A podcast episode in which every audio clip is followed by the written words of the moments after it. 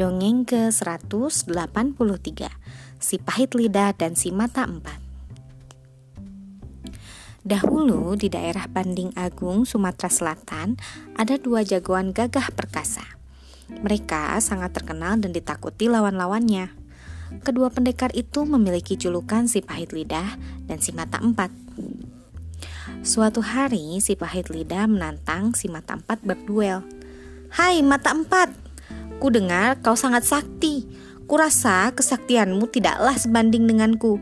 Bagaimana jika kita adu kesaktian? Kata si pahit lidah.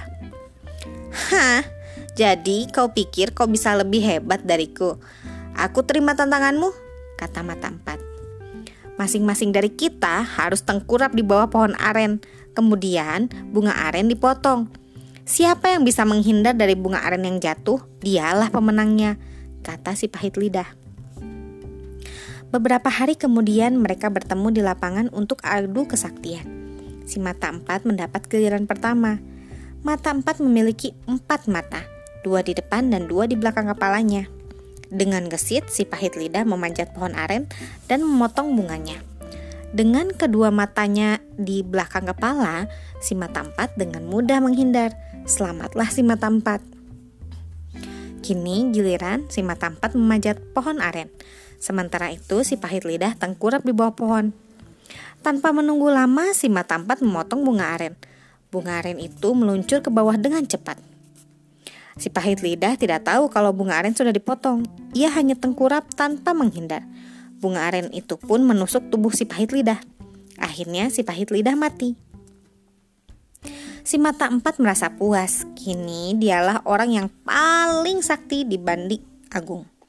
Diam-diam si mata empat penasaran tentang nama si pahit lidah. Kenapa dia dipanggil si pahit lidah? Apakah lidahnya benar-benar pahit? Pikir si mata empat. Dengan rasa penasaran, si mata empat mendekati mayat si pahit lidah. Setelah itu, dibukalah mulut si pahit lidah. Ternyata, lidah si pahit lidah bentuknya sama dengan miliknya. Si mata empat kemudian menempelkan telunjuknya ke lidah si pahit lidah, lalu mencecapnya.